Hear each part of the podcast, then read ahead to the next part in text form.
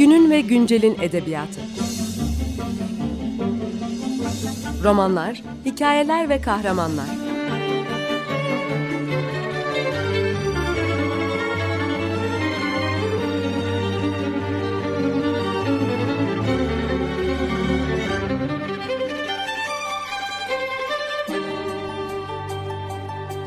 Hazırlayan ve sunan Seval Şahin.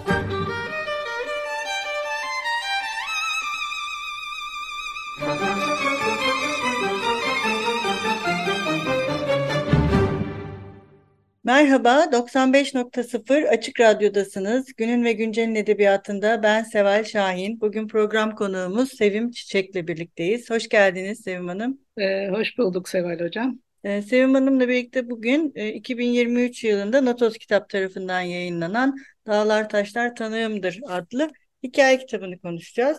Bu e, kitap 15 e, hikayeden oluşuyor. E, hikayelerin genelinde e, zaten bütün kitaba hakim olan bir taşra var. Bir de uzaklarda bir şehir zaman zaman böyle flu bir şekilde görünüyor kahramanların e, dillerinde.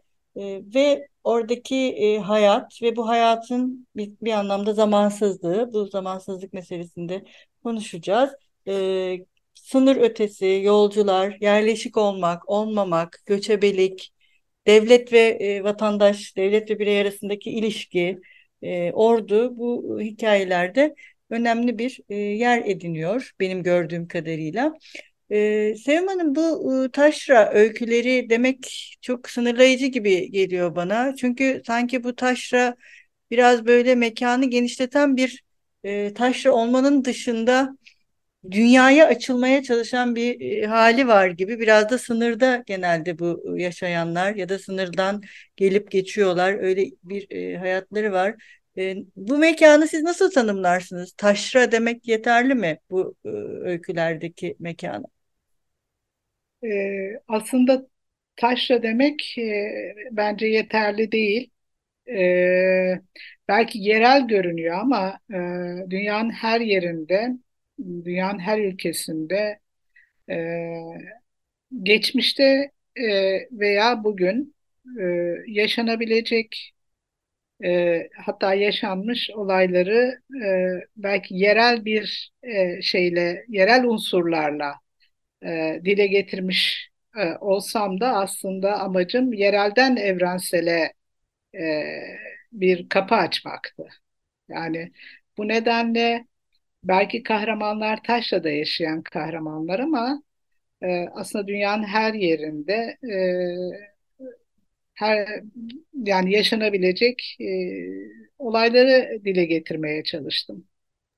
Evet, bir de sınır bunun için çok e, şey elzem bir mekan, değil mi? Yani sınırdan geçmek, sınırın öte tarafını düşünmek. E, bu da sizin bahsettiğiniz bu yerelden evrensele açılmanın tam eşiğinde durmak. Bu da hikayelerde gözettiğiniz bir şey miydi?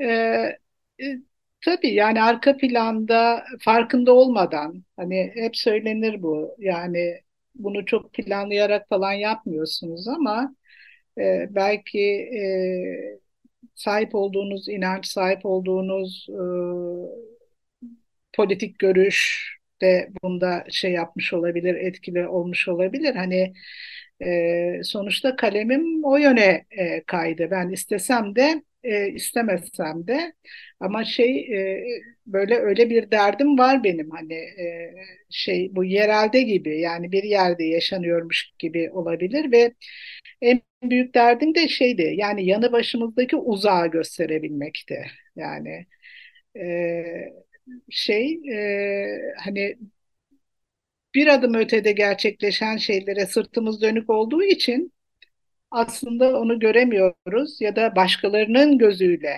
karşıdan bakan, uzaktan bakan başkalarının gözüyle e, değerlendiriyoruz, yorumluyoruz.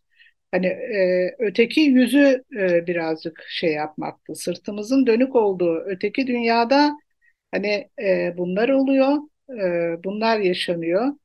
E, bunu hmm, hani insancıl unsurlarla e, kimseye hakaret etmeden e, vesaire bunu bu şekilde dile getirmek. Yani mesela e, öykülerde hani militarist bir şiddet görüyoruz. E, bugün okurlar arasında e, ne bileyim yani e, ailesinden o militer güçlerin içerisinde olan insanlar bile olabilir. E, onlara da hitap etmek gerekiyor. Hani e, onları da bir bakıma kulağına su kaçırmak gerekiyor. Hani her şey göründüğü gibi değil ya da duyduğumuz gibi, işittiğimiz gibi olmayabilir. E, bunu anlatmanın en iyi yolu da bence e, öyküler, yaşamın içerisinden e, bir şeyler sunabilmek. Evet, bir de e, bu öykülerde dikkati çeken şeylerden birisi de e, ben mesela Tarlanın Büyük Taşları, Anter, Mikail'i hanginiz vurdu, Tüm Zamanların En Güzel Sözü, Aret abinin Altın Vuruşu, mesela bir anlamda gelincik de, sonra Civan Buradadır Nasıl Geleyim ve Efruz Ben Değilim. Pardon, Efruz Değilim Ben. Bu hikayeler hep bir ölümle bitiyorlar. Yani genele baktığımızda sonunda bir ölüm var. Bu ölümler niye bu kadar e, bitiş mi yoksa bir başlangıç mı? Biraz önce söylediğiniz e, şeyle paralel mi düşünmeliyiz bunu? Yerellikten evrensele açılan ya da sınırın öbür tarafındakini hani mesafeyi e, uzaktaki yakını görebilmekle mi bağlantılı? Ee, şimdi e, yani mutlak olan bana göre mutlak olan tek şey ölümdür. Ee, ve bu hepimiz sonunda öleceğiz. Yani ölümden muaf hiç kimse yok. Ee, ama bu ölümlerin şekli de önemli. Ee, örneğin Anter'de e, bir kurt, kurdun peşine düşüyorlar. Ee, ve dikkat ederseniz bu kurt sürünün, kurt sürüsünün miri olarak, lideri olarak kabul edilen ve e, yörede ismine Anter denilen bir kurt. E, ve bu kurt e, zihinlerde nasıl düşünülüyor? Erkek olarak düşünülüyor. Fakat kurdun dişi olduğu ortaya çıkıyor ve bu çok şaşırtıcı oluyor herkes için. E, burada tabii toplumsal cinsiyet rolleri de var o öyküde. Fakat orada e, kurdun hani iple bağlanıp köy meydanına getirilmesi ve bir ağaca asılması aslında me metaforik bir şey. E, bu cenazeye ve ölüme e, saygısızlık e, meselesi e, belki üçüncü dünya ülkelerinin, Latin Amerika ülkelerinin e, ve Orta Doğu ülkelerinin neredeyse tamamında görülen ve bizde de çok bariz şekilde hala canımızı yakan e, durumlar e, aslında. E, ya ölüm çok şeydir hani en mutlak acıdır e, ölenlerin ardından tutulan e, acı en samimi acıdır. Üzüntünün ötesinde acıdır. Hani üzüntü hmm, nedir? Üzüntüyü biz aklımızla hissederiz ama acıyı duyularla hissederiz. Ona bir renk veririz, bir resim çizeriz. Yaşadığımız acıyı resimle belki işte renkle, e, dille e, dile getirebiliriz. Hani e, ölümün hemen hemen birçok hikayede e, var olmasının en temel nedenlerinden bir tanesi e, hepimiz için mutlak olan ve hepimizin canını yakan bir şey. Evet, e, dediğiniz e, şey öyküler ölümle biterken e, aslında yaz süreci de yok yani. Çünkü yas da hak edilmiş bir şey ve birinin yasını tutabilmek de e, o acıyı e, acıyla baş edebilmek için e, gerekli. E, o yüzden mi ben şimdi siz söyleyince düşündüm. O yüzden mi ölümle bitiyor? Yas bile yani bir yasa bile e, vakit kalmıyor ya da bir izin yok. Bir yasa bile vakit e, kalmıyor ve dediğiniz gibi izin verilmiyor. İzin verilmiyor. Yani işte bir yakınınız öldürülüyor ve siz onun cesedini haftalarca, günlerce yerden alamıyorsunuz. Ve onun yasını o oradayken yani o kadar şaşkınsınız ki içten içe o kadar öfkelisiniz ki kendinizi salıp yas bile tutamıyorsunuz. Yani o yas tutma hakkınız bile e, elinizden e, alınabiliyor. E, ve bir sürü şeyle uğraşmak zorunda kalıyorsunuz. Mücadele etmek zorunda kalıyorsunuz. İşte e, yakınınızın ölüsünü alabilmek için e, ona bir mezar bir mekan sağlayabilmek için ya da alamıyorsunuz ya da kemikleri size teslim ediliyor ya da aylarca yıllarca e, bekliyorsunuz. Yani o ne kadar yarım yamalak bir yastır, o ne kadar öfkeyle bastırılmış öfkeyle karışık bir e, yastır. Ya bunlar e, çok e, girift, çok zor konular aslında. Evet. Evet, ben, ben bunu ne kadar dile getirebildim, ne kadar söyleyebildim bundan çok emin değilim. E, çünkü çok zor konular. Evet. Evet. Felaketi anlatmak her zaman zor. Ee, evet. Bir ara verelim ee, Sevim Hanım. Bugün ne çalalım? Ne istersiniz? Ee, bugün e, Afgan kökenli e, Amerikalı müzisyen Omar Akram'dan Surrender'ı çalalım. Peki. Merhaba, 95.0 Açık Radyo'dasınız. Günün ve Güncel'in edebiyatında ben Seval Şahin. Program konuğumuz Sevim Çiçek'le birlikte Dağlar Taşlar Tanığımdır adlı kitabını konuşmaya devam ediyoruz. Programımızın ilk kısmında bu kitaptaki hikayelerin genelini oluşturan temalardan, kahramanlardan ve ölümle biten öykülerdeki yaz zamanının olmamasından bahsettik. Ee, biraz ilk bölümde de girdik bu toplumsal cinsiyet meselesine. Oradan devam etmek istiyorum. Şimdi burada e, iki öykü oldukça ayırt edici. E, bunlardan bir tanesi gelincik öyküsü, bir kız çocuğunun öyküsü. Yani bir kadın mı, genç bir kadın mı yoksa küçük bir kız çocuğu mu olduğu arasında e, ilk başta bizi ilk önce bir genç kadın karşılıyor ama sonra onun bir çocuk olduğunu aslında fark ediyoruz. E, bir de e, Efruz değilim ben öyküsündeki e, mülteci değil mi? Mülteci evet. kadının e, hikayesi. E, bu iki e, kadın e, neden e, yani birisi çocukluğuyla diğerisi de mülti, mülteciliğiyle girmiş kitabınıza. Bu ikisi de e, kadınlar söz konusu olduğunda e, birlikte mi düşünülebilir ya da tesadüfen mi böyle oldu? Ben onu planlayarak yapmamıştım. Ben aslında e, Efruz değilim ben de. E, bir çaresizliği, bir mülteci, hem mültecisin hem kadınsın. E, bunun yani nasıl bir şey olduğunu, e, bir e, yani böyle bir nasıl bir şey olabileceğini hayal ettim ve böyle bir şey kurguladım. Burada toplumsal cinsiyet meselesi değil daha çok şey hani o, o dediğim gibi e, mülteci olmak ve kadın olmak e, şeyini dile getirdim ama diğer gerçi o da gerçi toplumsal haklısınız toplumsal cinsiyetle tamamen bağımsız düşünemeyiz ama gelincikte de toplumsal cinsiyet rolleri ve kadına biçilen hani e, e, rolü birazcık dile getirdim. Hani çocuk henüz çocuk yani ve e, babası annesi tarafından hani e, bir anda bir gelinin e, intiharıyla e, çocuğa bir o gelinin baş sağlığına yakınlarına baş sağlığına giderlerken e, çocuğu birdenbire genç kız havasına ım, koyuyorlar ve orada iki tane e, kız var. E, şey diğer kız aslında o da o da ne kadar çocuk. İkisi de çocuk.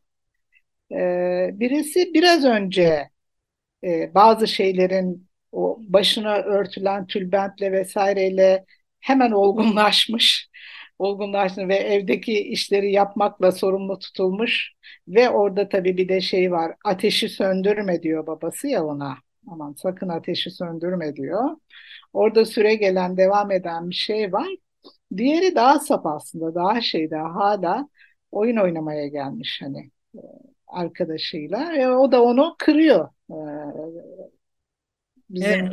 az önce olgunlaştırılan e, kızımız arkadaşını kırıyor ve sonra da kırdığına pişman oluyor.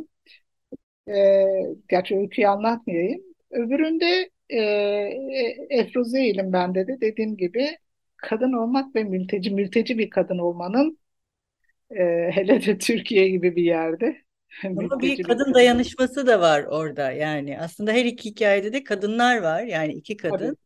Ee, evet. bir, e, yani te- kadınlar tek değil.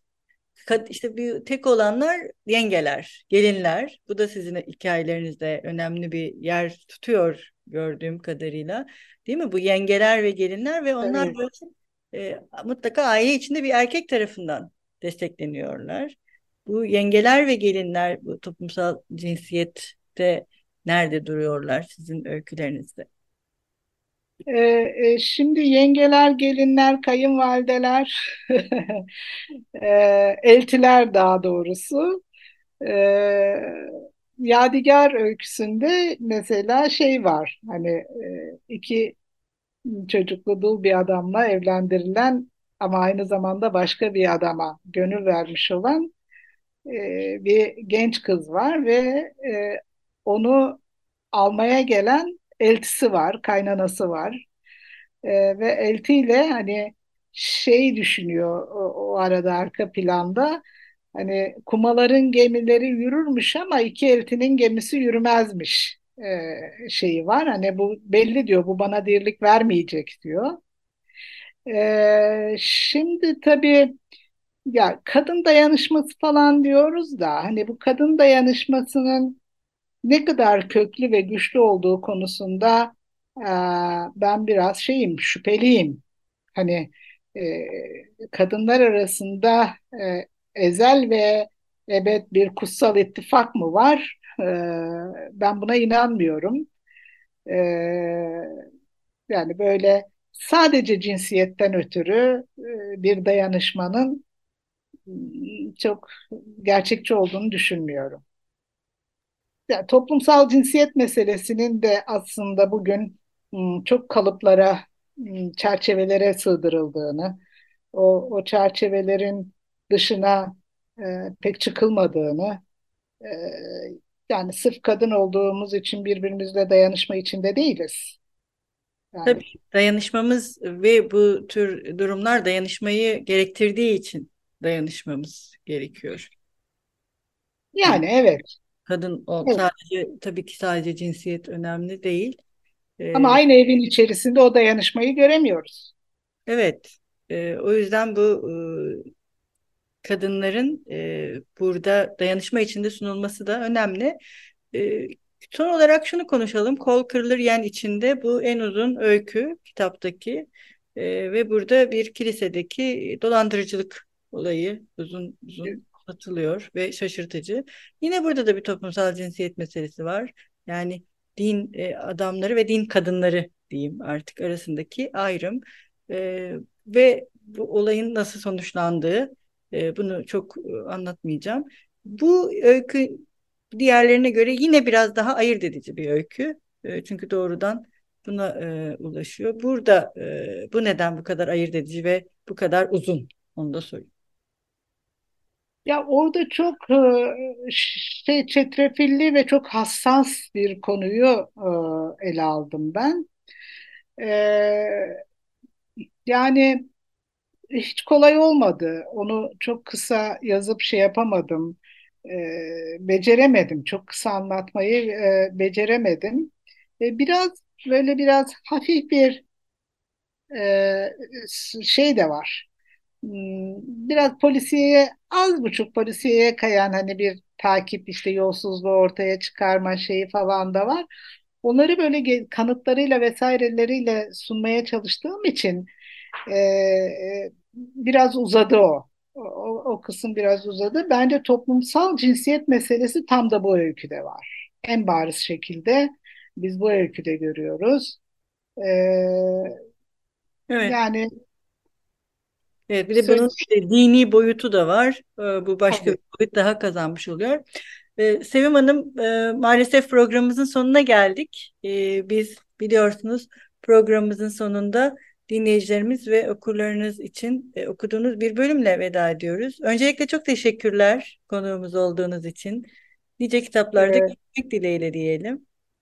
Ee, umarım ben çok teşekkür ediyorum. Hani e, Rica ederiz. yani fark edip davet ettiğiniz için bu benim için çok çok inanılmaz bir şey gerçekten. Ee, çok teşekkür ediyorum. Rica Ee, ederim. Evet, neyle veda ediyorsunuz? Buyurun son söz tarlanın tarlanın büyük taşları öyküsünden bir paragrafla şey yapalım. Hmm, Devam edeyim. Bitirelim daha doğrusu. Hoşça kalın. Görüşmek üzere. Buyurun son söz sizin. Bir kadının feryadına huzursuz buz gibi uykularımızdan karanlığa sıçradık. Yıldızlar yanıp sönüyor. Baktım kadınlar aynı yöne, paslı direkte sallanan tabelaya çevirmiş gözlerini. Kurtuldu dedi bir kadın. Annemin sesiydi sanki. Ya ya, kurtuldu fukara, kurtuldu dedi bir başkası. Bir adam çocukların üstündeki kirli battaniyeyi çekti. Birkaç kişi de tabelanın direğine gelinlik örtüsüyle kendini asan genç kadını indirmeye çalışıyor. Çocuklar uyanmış, olanları seyrediyor. Gelini battaniyenin üstüne yatırdılar. İki asker dili dışarıdaki meftayı sürüye sürüye götürdü.